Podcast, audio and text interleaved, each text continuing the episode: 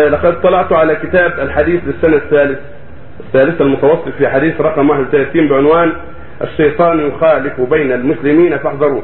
السؤال بأن في معاني المفردات كلمة الشيطان معناها أنه كان من الملائكة فعاقبه الله بسبب عصيانه وامتناعه عن السجود لآدم فهو عدو للبشر إلى آخره فهل هو فعلا كان من الملائكة؟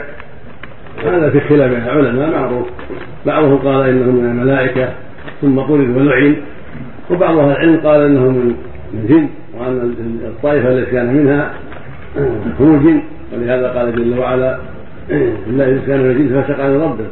فبين سبحانه أنه كان من الجن. والجن هم المعروفون هم الثقل الثاني. قال بعض أهل العلم وهو أبوهم كما أن آدم هو أبو الإنس فهو أبو الجن. وفيهم الشياطين وهم المردة ولكن قال بعض أهل العلم إن الجن طائفة من الملائكة قال لهم الجن لانهم استجنوا اختفوا فقيل لهم الجن وهم من الملائكة.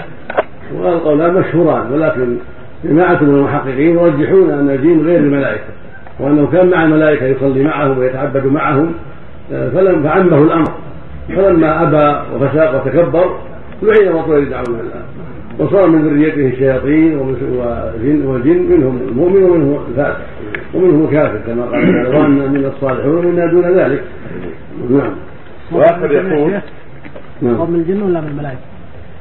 قولا مشهورا العلماء مشهور انه أنه من الملائكة وأنه طرد لما استكبر وأن الجن طائفة من الملائكة يقال لهم الجن وقال آخرون لا الجن هم الثقل الثاني معروفون يعني قال الله فيهم وخلقت الجن والإنس ليعبدون.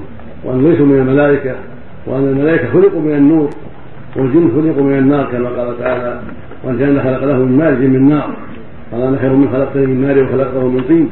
فهو ليس من الملائكة في العنصر عنصر الملائكة من النور وعنصره من النار فليس منهم في العنصر ولا في الحقيقة ولكنه كان معهم فلما أمر بالسجود لم يسجد وتكبر وعصى فطرده الله وبعده ولعنه ولهذا اختار هذا شيخ الإسلام ابن تيمية والجماعة وقالوا إنه من الجن وهو أبوهم خلقه الله من ماء من نار وليس من الملائكه ولكنه كان معهم في السماء كان يتعبد فلما استكبر طرد ولعن نسال الله